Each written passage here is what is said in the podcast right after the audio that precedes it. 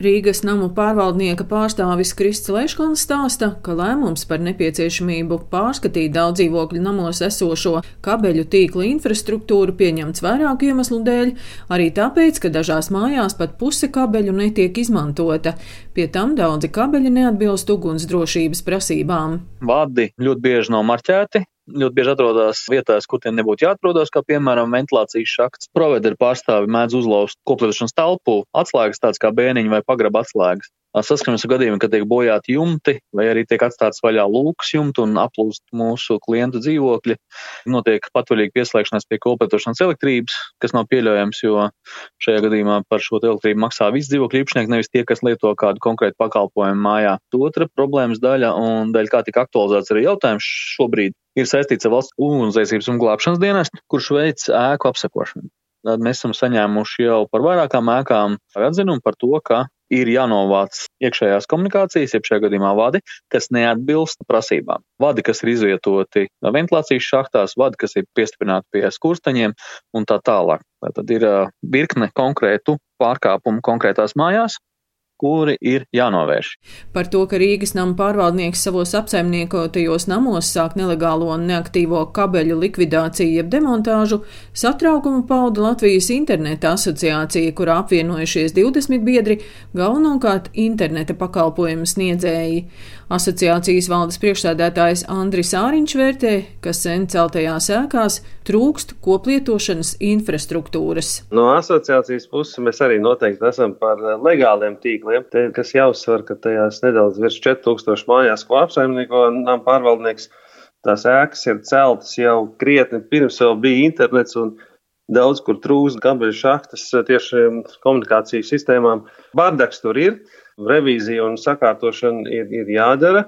Galvenā bažas ir tieši spēt identificēt, kur ir tie kabeļi, kas ir neaktīvi, kur ir tie, kas ir nelegāli lai nesanāk, ka nu, kļūdas pēc nogriež tādu, kas ir gan legāls, gan aktīvs, un kādam apraujās mācību stunda vai darba brīdis, un lai tas pakalpojumu saņēmējs necieš sliktā gadījumā muļķīgas kļūdas pēc, ja tas sajauc kabeli, kur griež. Un, Vispirms ir pārbaudi un novērst un atgriezt. Krists Lēškons no Rīgas nama pārvaldnieka skaidro, Interneta pakalpojumu sniedzējiem pieslēgumu būtu jāsaskaņo gan ar dzīvokļu īpašniekiem, gan pārvaldniekiem.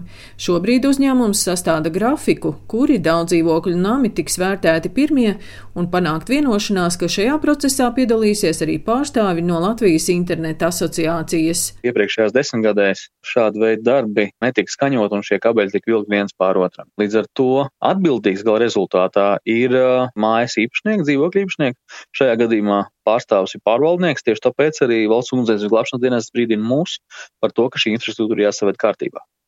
Mēs šobrīd sastādīsim pirmo grafiku tuvākajam pusgadam. Dienas kārtībā pirmās mājas, tās ir mājas, kurās ir pirmkārt jau šie atzinumi, ugunsdzēsības glābšanas dienesta, kā arī mājas, kurās ir vēsturisks problēmas ar šīm jautājumiem. Bet ir pilnīgi skaidrs, ka pilnībā, lai savest kārtībā šo te problēmu, būs vajadzīgi vairāki gadi. Rīgas domas attīstības departamenta pārstāvis Kaspars Līcīts uzsver, ka arī iedzīvotājiem ir svarīgi, lai kabeļu tīkla infrastruktūra tiek sakārtota, un doma no savas puses sekos, lai šis process notiktu tiesiskā ceļā. Tā interese ir pašiem arī iedzīvotājiem sakārtot šos jautājumus, lai nebūtu mājā tie liekie kabeļi, kas apgrūtina dzīvi, jo kabelis jau pēc būtības, ja viņš ir novilkts starp mājām pa gaisu, tas arī var radīt dažādas situācijas, kad, nu, piemēram, kabelis var vējā tikt noplēsts vai atplēsts, un viņš tā arī karājās, jo neviens par viņu neatbild. Un līdz ar to ir svarīgi, lai būtu skaidrs, kurā mājā kurš kabelis kuram operatoram pieder. Protams, process nav vienkāršs un tur ir ļoti daudz neskaidrību, kurā brīdī kuram ir atbildība. Arī vienā pašā tādā ēkā var būt daudz desmit kabeļu, un, un līdz ar to ir tā prasība, lai tie kabeļi pamazām tiek marķēti, lai zinātu, kuram operatoram pieder kurš kabelis. Būtiski ir, lai šis process virzās uz priekšu tādā tiesiskā un arī visām pusēm pieņemamā veidā.